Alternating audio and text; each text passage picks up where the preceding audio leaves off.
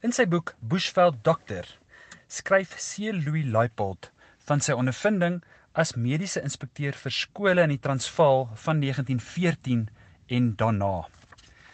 Die boek wat in Engels geskryf is, vertel baie interessante staaltjies oor dinge wat hy teëgekom het in hierdie tyd. Hy skryf: Once a father brought his two children for examination. He was a poor white a bywoner or squatter on a friend's farm and spoke Afrikaans. He knew no English, and his children knew merely the few words they had learned at the school. His children were physically fine specimens, but both were mentally low in the scale, while he himself could tell me very little, being himself very simple. The principal sent for the mother, who, when she appeared, proved to be a competent, motherly person, quite different from her dull witted husband. The name on the children's card was unfamiliar to me, so I asked her if she came from these parts. No, doctor, she said, but we've been living here for some years. We've come from dot dot dot. And she named the district and told me her story. She had met her husband astray from some patrol during the Boer War. Ek moet dit noem, hierdie is nou 'n stray 'n Brit wat um, gestray hulle sal sê. He was not wounded, but sun-stricken, and had wandered far away from his regiment and camp.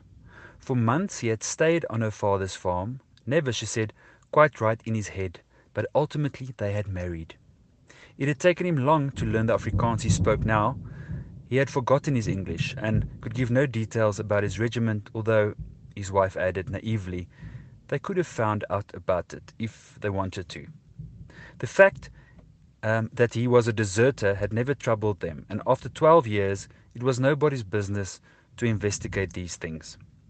When I told my administrator about this couple, he kept my story by telling me that when he returned to his farm after the war, his native manager came to him and said, We have an Englishman at the huts. We've hidden him all this time, but he must be a soldier, for he was dressed in soldier's clothing. I went to the huts, said the administrator, and talked to him. He could not understand English. His Afrikaans was very broken, but he spoke Shangaan quite well. He couldn't tell me who he was or where he came from, and all he could find out was that he had wandered up from Natal. He had been lost in the bush and found by some natives who had brought him to my farm. He was quite dotty, but he never gave us any trouble. Nor can one always go on surnames go by surnames. A family of the name of Sinant was originally St. John. Grandpa had come from England and had trekked north.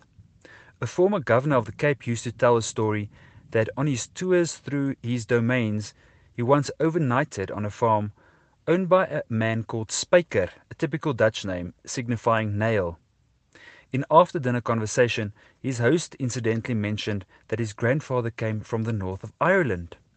But said His Excellency, who happened to be an Irishman, I know of no family of that name in Ireland. Oh, yes, said the host. Grandfather was O'Neill, but father thought we might as well change the name into Spyker, as we now all talk Dutch.